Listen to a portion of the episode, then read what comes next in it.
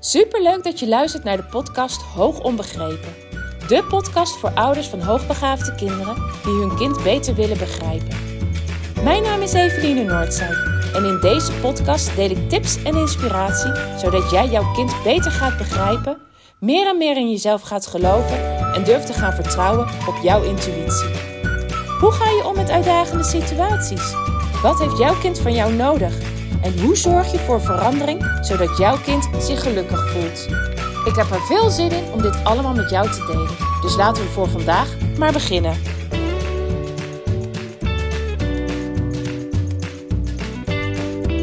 Ha, lieve luisteraars. Ja, de 150ste podcast. Jeetje. Echt, ja, voor mij gewoon weer een mijlpaal behaald.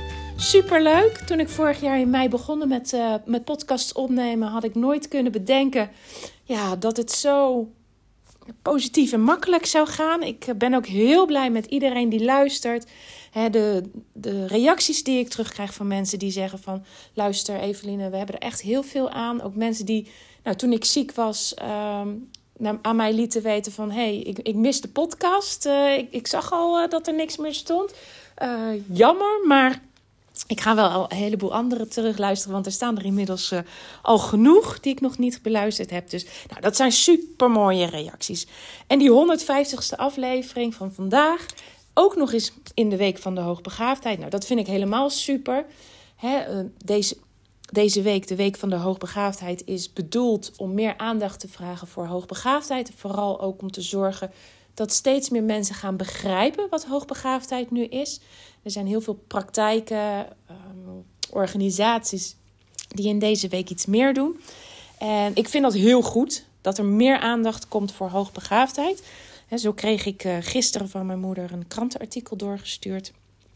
Waarin er nog eens heel duidelijk uitgelegd wordt wat hoogbegaafdheid nu precies is. En ja, ik was heel blij met dat artikel, want het het was echt heel helder. Het geeft precies weer wat het is. Niets meer en niets minder. Dus het is heel positief dat er in deze week zoveel aandacht voor is. Aan de andere kant eh, denk ik ook altijd bij dit soort dingen: ja, leuk een week, maar we zijn er na een week niet. Er moet altijd aandacht voor zijn. En dan hoeft het niet zozeer te zijn in het nieuws. Uh, als in ieder geval wel, dit moet op de radar blijven. Dit moet onder de aandacht blijven komen van leerkrachten, van ouders, omdat we daarmee heel veel kinderen kunnen helpen. En ik denk altijd, het geldt hetzelfde als voor een, eh, een hoogbegaafd kind.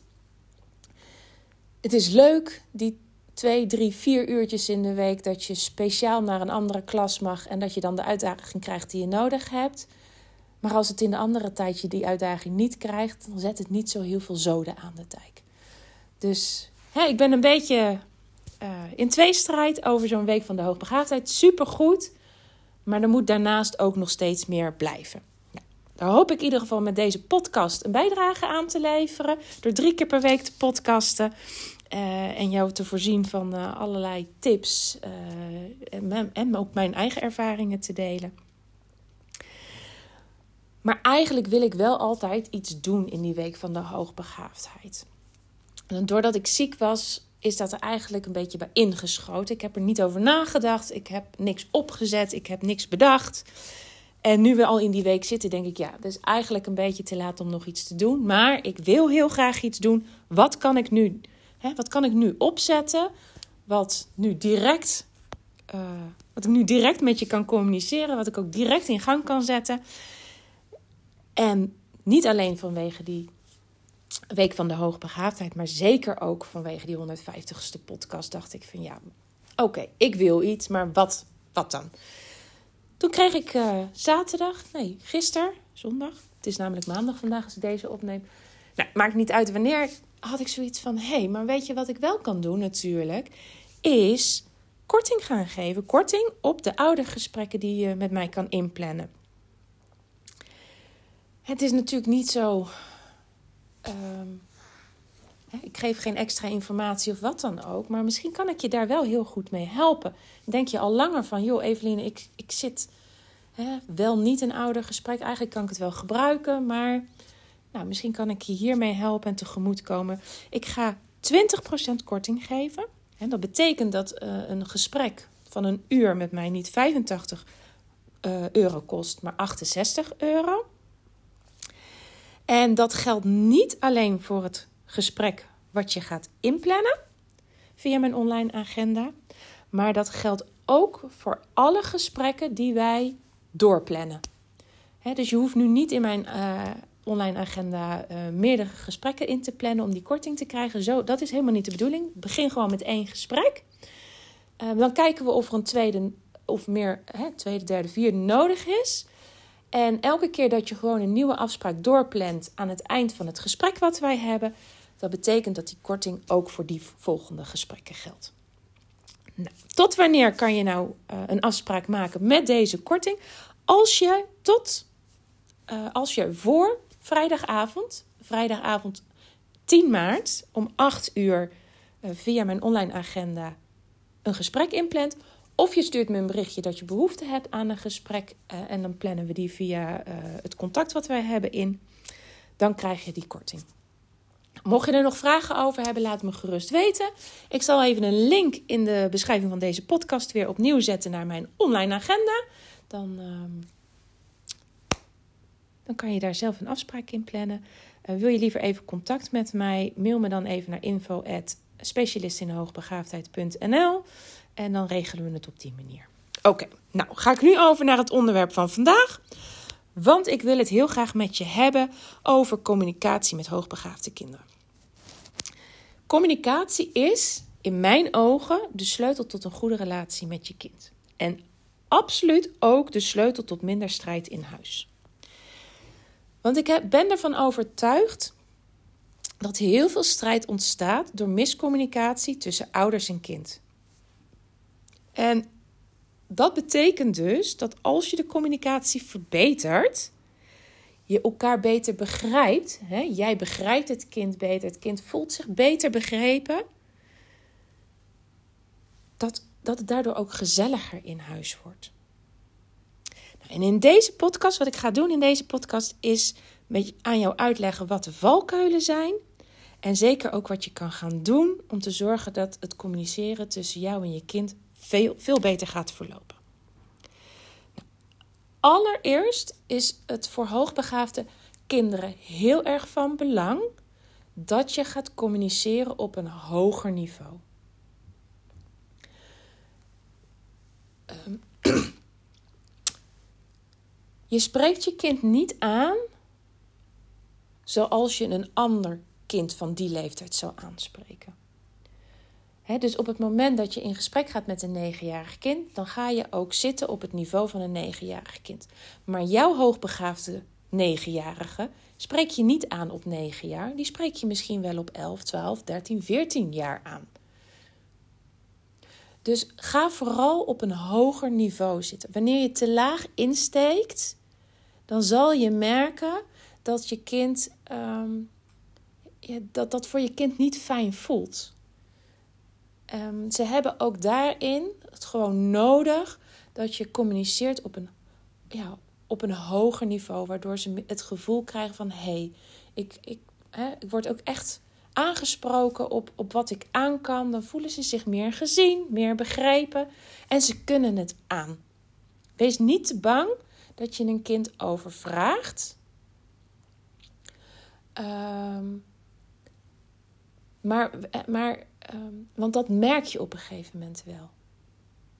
Want een, een kind zal dan gaan vragen aan jou van... joh, wat bedoel je daar eigenlijk mee? Of ik begrijp het niet. En dan weet je van, oké, ik moet even een stukje terugschakelen. Nou, nou ben ik eigenlijk ook gelijk aan het uitleggen wat je uh, anders zou kunnen doen. Wat jou zou gaan helpen in de communicatie. Misschien moet ik ze gewoon tegelijkertijd pakken. Uh, maar uh, spreek dus niet te te, op een te laag niveau aan, maar ga op een hoger niveau je kind aanspreken. Je hoogbegaafde kind heeft dat echt nodig.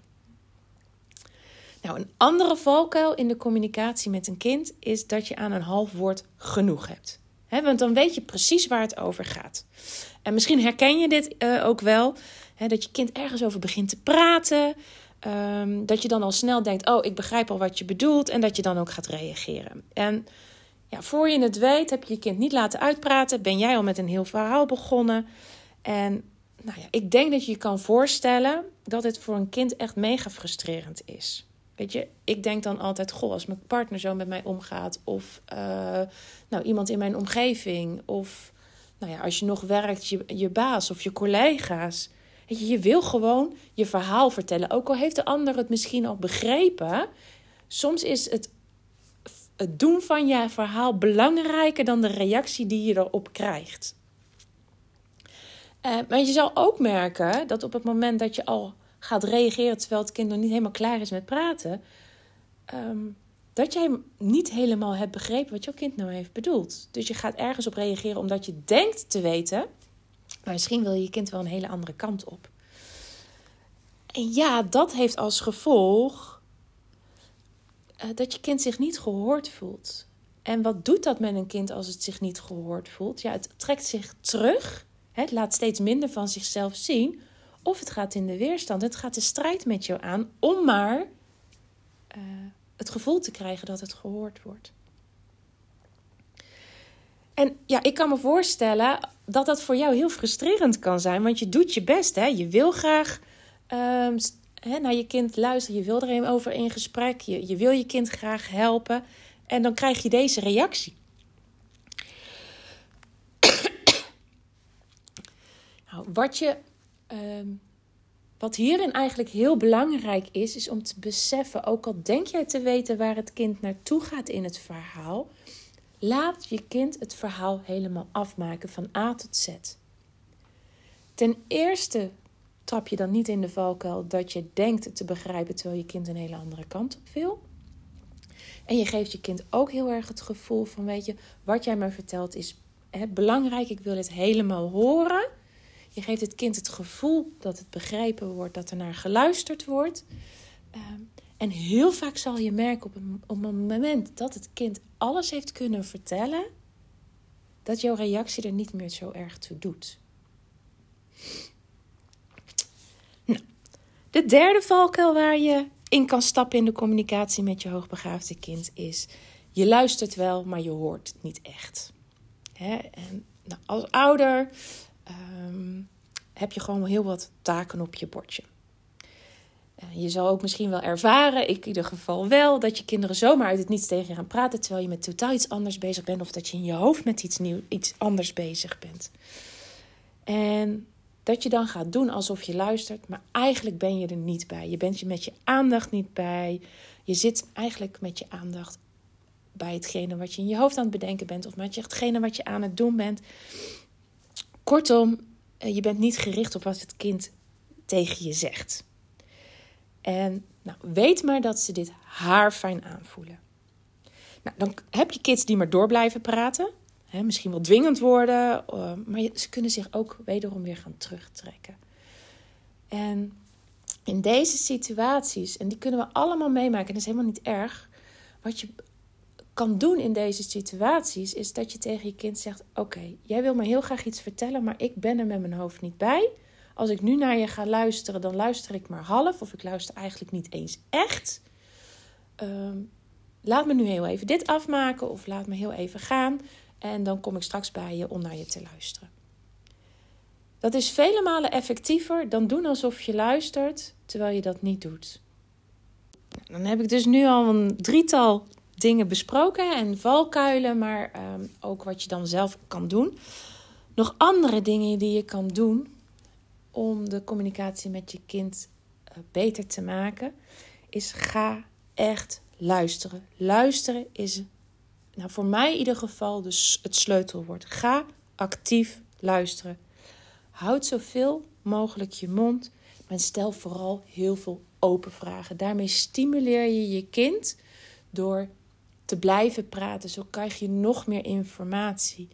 En dan, op het moment dat je het gevoel hebt van oké, mijn kind is klaar met praten, ik heb een heleboel informatie, ik weet een heleboel, dan kan je pas gaan reageren. Nou, ik had het net al over. Neem de tijd. Hè? Um, maar een andere tip is over op wat voor manier ga je het gesprek aan. Um, een gesprek hoef je niet altijd te voeren als je tegenover elkaar zit. Sommige kinderen doen het daar echt helemaal niet goed op. Die gaan veel meer praten op het moment dat ze bezig zijn. Dus ga samen een activiteit doen. Ga samen wandelen. Ga samen. Uh, nou ja, je kan het vast wel bedenken wat past bij jouw kind. En dan komen gesprekken vaak vanzelf. Dus ga eh, daarmee aan de slag. Ga niet per se tegenover elkaar zitten. Want het kan dan zijn dat je kind um, dichtklapt. Op het moment dat je wel besluit, hè, of omdat het gewoon zo gaat, dat je op het moment um, tegenover je kind staat, besef dan dat het feit dat jij staat misschien wel eens vervelend kan zijn voor het kind. Dus ga meer dan, zak dan wel wat. Of ga dan inderdaad wel even zitten. Dan ben je namelijk op gelijke hoogte. dan is er geen lengteverschil. En ehm, dat kan maken dat je het kind het gevoel geeft dat, dat je gelijk, ehm, gelijkwaardig bent. En dat maakt het voor kinderen vaak ook makkelijker om met je te praten. Nou, en dan het laatste. En dat is altijd wel iets waar ik, wat, ik heel belangrijk vind om te beseffen. Wij, wij vinden hè, met elkaar dat het maken van oogcontact heel belangrijk is in gesprekvoering. Er zit alleen een nadeel aan. Niet alle kinderen kunnen even goed zich concentreren of voelen zich even fijn en comfortabel op het moment dat er continu oogcontact gemaakt wordt.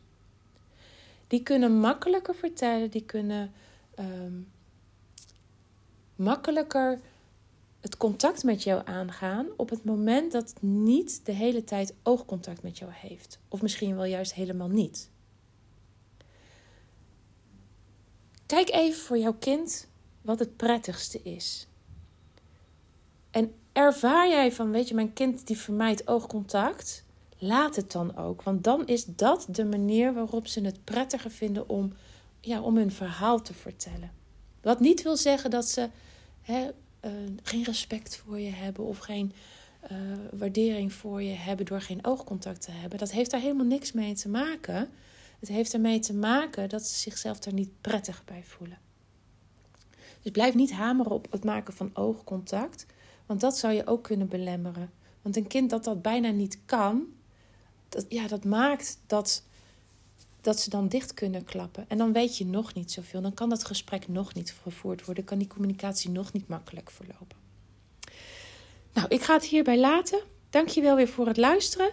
Mocht je nou gebruik willen maken van uh, de mogelijkheid voor ouderbegeleiding met korting, tot aanstaande vrijdag 8 uur, dat is vrijdagavond 10 maart 8 uur, is de mogelijkheid om een, uh, om een afspraak in te plannen.